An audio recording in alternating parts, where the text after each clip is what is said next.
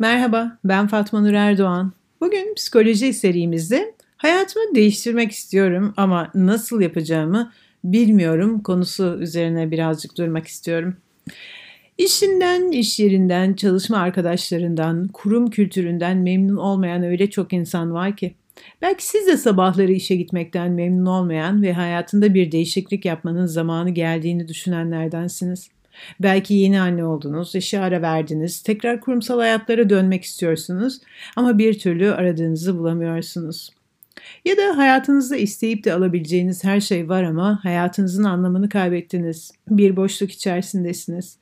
Her arayışınız ümidinizin biraz daha kırılmasına ve aradığımı bulabilecek miyim acaba sorularının tekrarlanmasına neden oluyor olabilir. Dünya enteresan bir yer ve bizler o mekanı kalıplara ve kurallara bağlamakta ustalaşıyoruz. Sonra da kendi kurduğumuz düzenin içerisinde boğulup kalıyoruz. Kalıpları kırmak, gelenekleri saymak ama geleneklerin dışında yeni bir yol çizebilmek sabır, zaman ve azim istiyor. Her şeyden öte kararlılık gerektiriyor. Yarı yolda pes etmemeyi, hayatı deneyimlemekten çekinmemeyi öneriyor. Zamanı geldiğinde elimizdekileri bırakabilecek gücü kendimizde bulabilmeyi, bu süreci atlatırken muazzam bir özgüveni, hayata inancı ve hayatta hiçbir şeyin mükemmel olmadığını hatırlamayı gerektiriyor.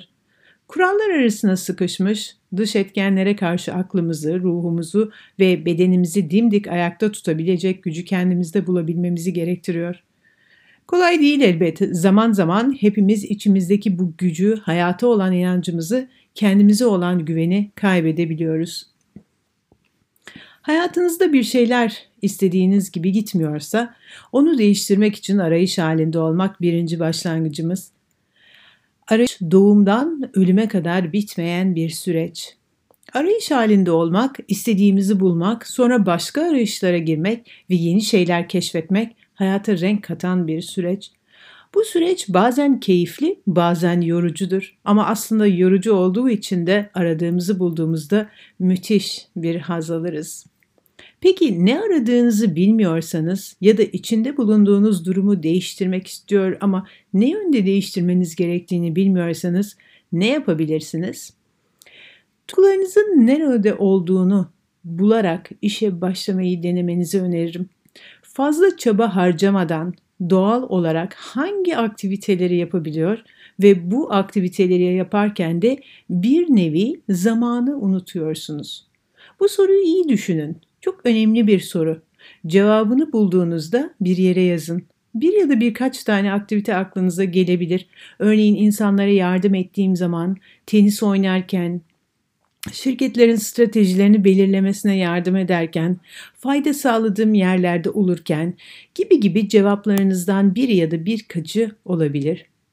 Tutkularınızın nerede olduğunu bulmanız, hayatınıza yeni bir yön verirken içine hangi elementleri mutlaka katmanız gerektiği konusunda size ipucu da verir. Tutkularınız her neyse onları her gün kullanabileceğiniz bir iş ya da bir hayat tarzı kurmaya bakmanız, hayatınızı istediğiniz yönde geliştirebilmeniz için size imkanlar sunacaktır. Tutkulu olduğumuz şeyleri yaparken daha tatminkar bir hayat yaşar, hayatımıza anlam katabiliriz. Tutkularımız heyecanımızı körükler ve sabah uyanmak için bize güzel bir sebep verir.